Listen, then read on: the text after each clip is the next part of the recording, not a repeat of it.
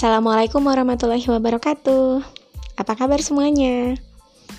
Anyway, um, selamat Idul Fitri ya. Uh, semoga kita dipertemukan lagi dengan Ramadan dan Idul Fitri tahun depan. Tentunya semoga Allah mengizinkan kita dalam suasana yang lebih baik lagi. Dan doanya semoga amal ibadah kita di Ramadan tahun ini Allah terima dan menjadikan kita umat yang bertakwa um, beberapa waktu lalu saya pernah nge-share uh, ini ya kan promosi buku. Sebenarnya nggak enak juga ya kan jadi pedagang terus pedagang. Uh, jadi orang yang nge-share nge-share yang berharap dibeli orang gitu ya pedagang kan ya. Uh, tapi ini sih kegiatan ini dilakuin sih sebenarnya berangkat dari kerisauan gitu. Kerisauan apa sih Uh, jadi beberapa waktu lalu, ini sebelum nikah sih kayaknya ya, malah belum ada Gaisa berarti ya, uh, pernah ngelihat survei tentang minat baca eh, orang-orang Indonesia yang disurvei dengan 64 negara. Uh, dan mirisnya waktu itu uh, Indonesia berada di peringkat 60-an kalau nggak salah itu di 61 sedangkan yang disurvei cuma 64 negara. Berarti artinya Indonesia berada jauh di bawah sekali untuk kategori minat baca. Jadi bukan berarti dari segi kategori uh, soal kepintaran, kecerdasan bukan ya, tapi hanya dari minat baca. Di mana minat baca tentu punya hubungan yang sangat kuat uh, dengan uh, kemampuan kognitif dan juga kemampuan yang lain gitu. Jadi uh, membaca mungkin tidak hanya akan membuat anak-anak atau kita pintar, tetapi mungkin akan bisa membuat kita menjadi bisa mengelola emosi. Kemudian uh, kalau kita banyak bacaan bisa mendekatkan spiritualitas kita uh, dan keimanan kita kepada Allah itu tidak menutup kemungkinan gitu kan ya. Jadi uh, itu udah lama banget jadi udah udah lupa juga sebenarnya. Tapi akhir-akhir ini muncul lagi gitu. Qadarullah kami itu bergabung dalam uh, komunitas read aloud.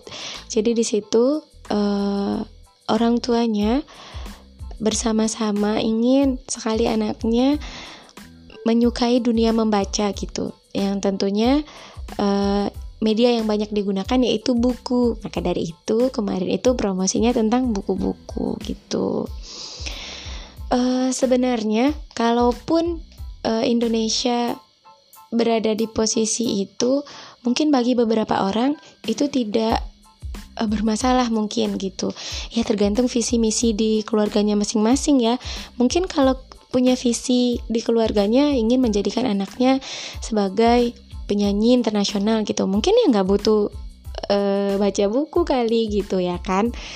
Tapi bagaimana dengan visi misi kita yang memang ingin menjadikan anak-anak kita adalah agen perubahan nanti gitu yang akan merubah peradaban ini yang akan menjadikan uh, Indonesia dan agama Islam sendiri? Tentunya uh, berjaya di Indonesia gitu. Melihat kepemimpinan saat ini, tentu kita ingin sekali generasi saat ini, anak-anak yang sedang kita bina hari ini akan menjadikan bangkitnya Islam di Indonesia khususnya dan di dunia pada umumnya. Jadi kalau generasi kita cuman goler-goler, scroll-scroll Instagram, terus pindah ke WA, terus uh, pindah lagi ke Facebook terus TikTok kan nauzubillah ya Allah. Uh, tersulut emosi nih ngomong TikTok udah nggak usah dilanjutin kali ya. Ya bisa di prediksi bahwa nanti juga uh, minat baca anak-anak Indonesia juga belum akan terangkat gitu. Uh, untuk membaca jadi untuk membaca mata pelajaran eh sorry. Untuk membaca buku-buku pelajaran aja itu agak rada sulit gitu. Gimana nanti kita akan baca buku-buku tentang kepribadian buku-buku keagamaan khususnya. Dan pastinya harus kita baca gitu karena itu kan ilmunya fardu ain. Dan memang harus kita baca gitu kan ya. Uh,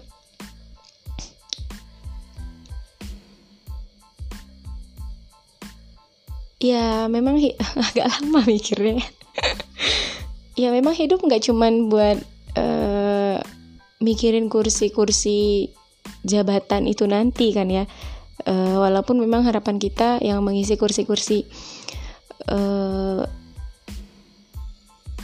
stakeholder di Indonesia itu memang anak-anak yang memang sudah dipersiapkan dari sekarang oleh orang tuanya begitu. Uh, mungkin nanti bisa belajar dulu ngitung uh, kestabilan konformasi kursi-kursi turunan sikloheksana gitu kan di kimia organik. Teman-teman kimia orga, teman-teman kimia pasti paham gimana sulitnya untuk menghitung kursi kursi turunan sikloheksana itu dan juga lebih pusing lagi sebenarnya memikirkan bagaimana segi 4 dikira-kira sebagai segi 6.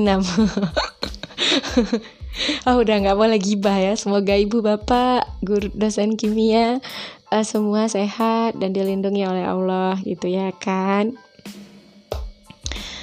Uh, tentu bagaimanapun juga ini tidak lepas dari bagaimana kita menginginkan anak-anak kita nanti ke depan. Gak mungkin kita ya udahlah ngalir aja seperti air gitu. Kalau di keluarga kami ya nggak gitu gitu. Pastinya di keluarga teman-teman juga nggak bakal kayak gitu. Nggak mungkin kita biarin aja anak kita ya udah ngalir aja gitu. Uh, saya yakin juga nggak nggak ada satupun orang yang berharap keluarganya ngalir aja tanpa ada satu visi yang ingin ditujunya nanti gitu. Um, hmm. Beberapa puluh tahun setelah ini pasti anak-anak kita yang akan uh, membersamai dunia ini gitu. Mungkin salah satu dari kita atau bahkan uh, beberapa orang dari kita sudah tidak ada lagi di dunia untuk menemani mereka gitu. Nah uh, kita nggak boleh lengah bahwa nanti dunia mereka di 20-30 tahun mendatang itu gak mungkin lagi teknologinya seperti saat ini. Gak mungkin lagi masalah-masalah yang muncul di kehidupan tuh yang ada saat ini. Gak mungkin juga pekerjaan-pekerjaan yang bisa di-apply itu yang cuman ada yang saat ini Enggak. Jadi kita tugas kita ini menyediakan uh, informasi buat mereka Nanti itu dunia udah nggak bakal kayak gini lagi gitu. Nanti itu masalah-masalah cuman nggak bu nggak nggak cuman masalah ini doang gitu. Nggak cuman uh, masalah uh, diri doang gitu kan nggak dibalas-balas. Nanti jangan-jangan dunia kita udah lebih canggih jalannya tuh nggak pakai kaki lagi tapi udah macam teleportasi gitu kan ya. Kita harus eh, banyak-banyak belajar dari fantasinya Terelie ya kan. Jalannya udah pakai teleportasi terus nanti apa-apa udah pakai chips. Ini ada yang tahu ada di buku apa? Buku Terelia semua ini ya kan. Nah e, bagaimana menyiapkan anak-anak kita agar uh, bisa untuk beradaptasi dengan seperti yang disampaikan tadi. Uh, teknologinya udah nggak kayak kita lagi terus kemudian uh, masalah yang timbul juga nggak kayak sekarang terus kemudian eh, lapangan pekerjaan juga nggak semuanya yang ada sekarang ada juga beberapa puluh tahun ke depan gitu. Salah satunya memang menyiapkan mental mereka eh, tauhid mereka dan juga tentunya mengisi eh, leher bagian atas. Jadi memang uh, kenapa hari ini cukup koar-koar ya karena kita harus wajib untuk mengisi nutrisi anak-anak kita anak-anak kita leher bagian atas ini. Tentunya orang tuanya punya kewajiban pertama sekali untuk mengisi nutrisi imannya, nutrisi ruhiahnya. Tapi jangan lupa bahwa kita juga punya uh, kewajiban untuk memenuhi makanan otak anak kita. Nah, uh, kalau misalnya ada yang denial, nggak usahlah baca gitu, karena ada juga sih postingan uh, kemarin pernah baca postingan salah satu dokter anak yang katanya membaca itu jangan berlebihan gitu. Ya memang sih nanti kita akan bahas di selanjutnya deh. Membaca itu adalah surat pertama turun yang malaikat Jibril kasih tahu ke Nabi Muhammad gitu kan ya dan gak mungkin gak ada filosofisnya kenapa surat al-alaq ini muncul atau turun pertama kali untuk kita gitu. Yang pastinya harus kita pikirkan kenapa ya membaca yang dijadikan surat yang pertama. Ya sam jangan sampai nanti anak-anak kita menjadi generasi yang uh, percaya-percaya aja gitu. Jadi kalau kita nggak baca yang benar, maka generasi kita akan menjadi orang yang percaya-percaya aja. Jadi hoax pun dipercaya, eh, nggak uh, tahu mana yang benar, mana yang nggak benar. Jadinya nggak ada filter untuk mereka. Nah tugas kita memberikan mereka uh, ilmu itu agar mereka nanti ketika besar tidak hanya mempercayai tetapi juga bisa untuk menyaring mana yang benar, mana yang tidak. Karena uh, ini bakal ketahuan karena kalau misalnya rezim yang akan uh, hidup itu nanti di masa yang akan datang masih seperti ini, maka pendidikan di Indonesia pun masih belum bisa kita katakan sebagai ilmu-ilmu yang memang kebenarannya itu mutlak gitu. Maksudnya ini nggak ada loh yang didramatisir gitu. Ya mungkin kalau kita dulu belajar bahwa salah satu pelajaran kimia kali ya atau fisika ya. Ya kami belajarnya itu di kimia eh, energi itu tidak dapat diciptakan gitu kalau nggak salah ya. Energi tidak dapat diciptakan uh, hanya dapat diubah bentuk gitu ya kan? Eh, energi tidak dapat diciptakan dan dimusnahkan hanya dapat berubah bentuk. Ya gitu ya. Nanti kalau ada yang tahu mohon diperbaiki. Uh, sebenarnya ini masalah banget gitu. Buku ini masalah banget. Uh, dulu waktu SMA sih kita nggak pada tahu ya. Oh ya udah nanti dihafal. Uh, teori ini malah dihafal terus kemudian si James Prescott. Joel ini orang yang dibangga-banggakan karena bisa menemukan teori ini gitu. Ternyata setelah belajar lagi baca buku lagi ini sesat banget gitu. Nggak mungkin dong energi nggak ada yang ciptain nggak bisa diciptain. Ya Allah lah yang ciptakan. Wow. Agak berkuar-kuar gitu ya kan. Macam orasi gitu ya kalau kita percaya bahwa nggak ada yang ciptain energi ya sama aja. Kita nggak percaya dong adanya Allah. Nah jadi kayak gitu deh kira-kira uh, anak-anak kita. Setelah mereka membaca banyak membaca tentu critical thinking mereka juga akan terasa. Tapi nggak harus sampai ke sana sih sebenarnya. Ketika mereka sudah nyaman membaca ketika mereka sudah mencintai dunia membaca kemudian menjadi habit mereka maka itu akan dengan uh, sepaket ikutnya. Jadi uh, sebenarnya kita cuma tumbuhin dun su jiwa suka membaca aja sebenarnya minat mereka untuk membaca aja karena uh, begitu banyaknya bacaan yang bisa diakses uh, dan itu akan menumbuhkan rasa uh, ingin tahu yang lebih banyak lagi bagi anak-anak kita gitu.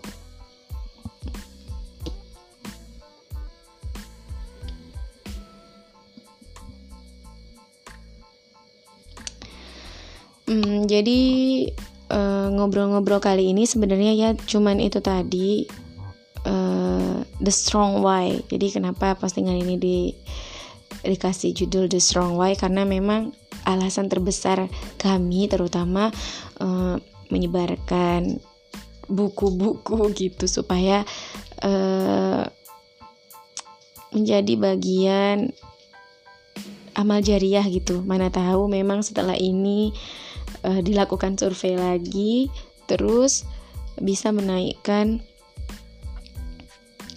hasil surveinya minimal Indonesia bisa jadi di 40 mungkin kan. Nggak muluk-muluk sih nggak pengen juga berada di peringkat pertama karena itu bakal sulit gitu. Tapi kalau 40 30 kan lumayan. Yang itu kita penyebabnya gitu. Bukan kan? Bukan saya tapi kita semua yang hari ini sudah punya anak, yang hari ini akan punya anak, bahkan yang hari ini sudah merencanakan memiliki anak gitu. Ayo sama-sama kita uh, ajak anak-anak kita. Kalau kata Ustadz Fauzul Adim itu uh, membuat anak gila membaca gitu. Jadi yang saya tangkap dari bukunya ya memang orang tuanya duluan yang harus gila gitu. bukan gitu. Yang harus ya apa sih namanya? Yang ya benar-benar harus belajar dulu baca dulu baru anaknya nanti bisa uh, tapi ada sih tips-tips di sana. Nanti kita akan coba bahas juga. Menjadikan anak gila membaca itu keren bukunya. Kalau teman-teman mau beli ya silahkan beli di marketplace juga banyak. Uh, karena memang uh, hidup bukan hanya untuk mencari mol kalium nitrat 25 gram kan gitu. Kimia banget ini ya. Bukan hanya untuk menghafal hukum termodinamika 123 gitu. Aduh jadi rindu bapak ibu guru dosen eh ibu guru dosen lagi. Bapak ibu dosen kimia semuanya. Uh, semoga amal yang uh, ilmu yang bapak ibu ajarkan nanti menjadi pemberat timbangan kebaikan Bapak Ibu. Kami sungguh sangat senang mendapatkan ilmu itu dan akan bersaksi di hadapan Allah. Jadi curhat ini.